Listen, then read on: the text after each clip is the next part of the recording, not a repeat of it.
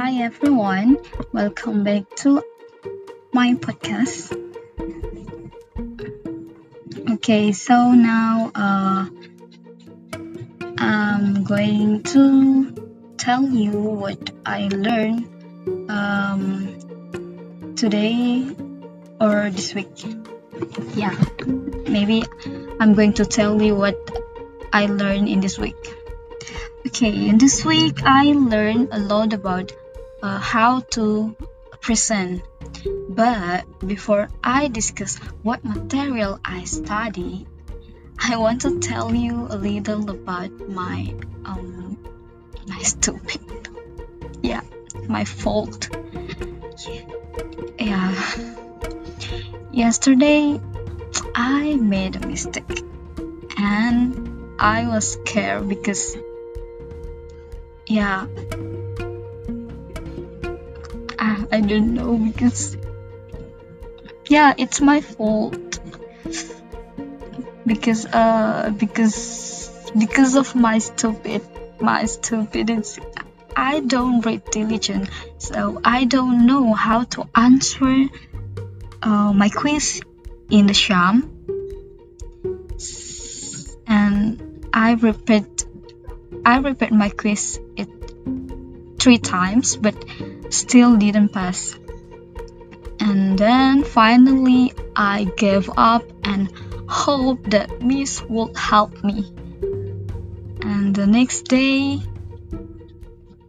I'm grateful because Miss wanna help me. yeah, even though I have to lose two thoughts, but that's okay.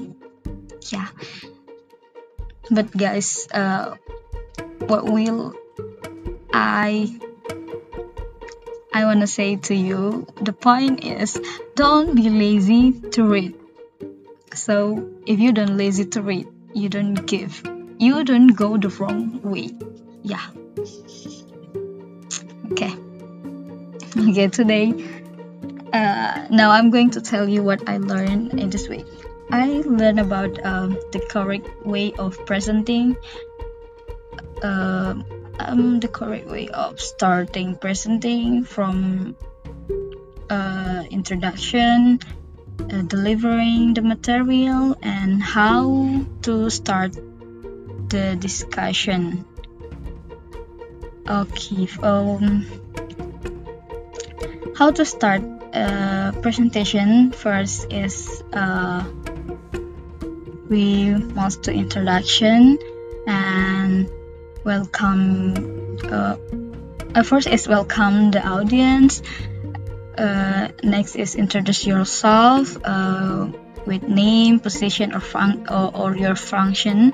And the third is state your topic. Uh, the fourth is explain why your topic is important uh, for the audience. And next is outline the structure of your talk. What comes when say when you will be dealing with uh, with each point and then it, and then uh, let the audience know how you're organizing the presentation. Um,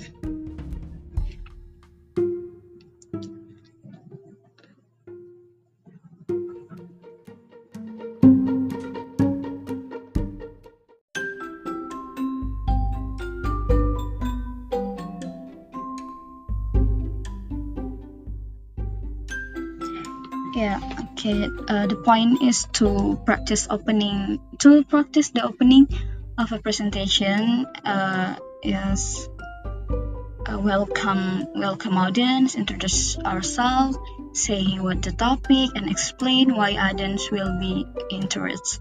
And the first thing uh, that must we remember is we must to use uh, words like uh, we uh, us an hour to highlight common uh, interest.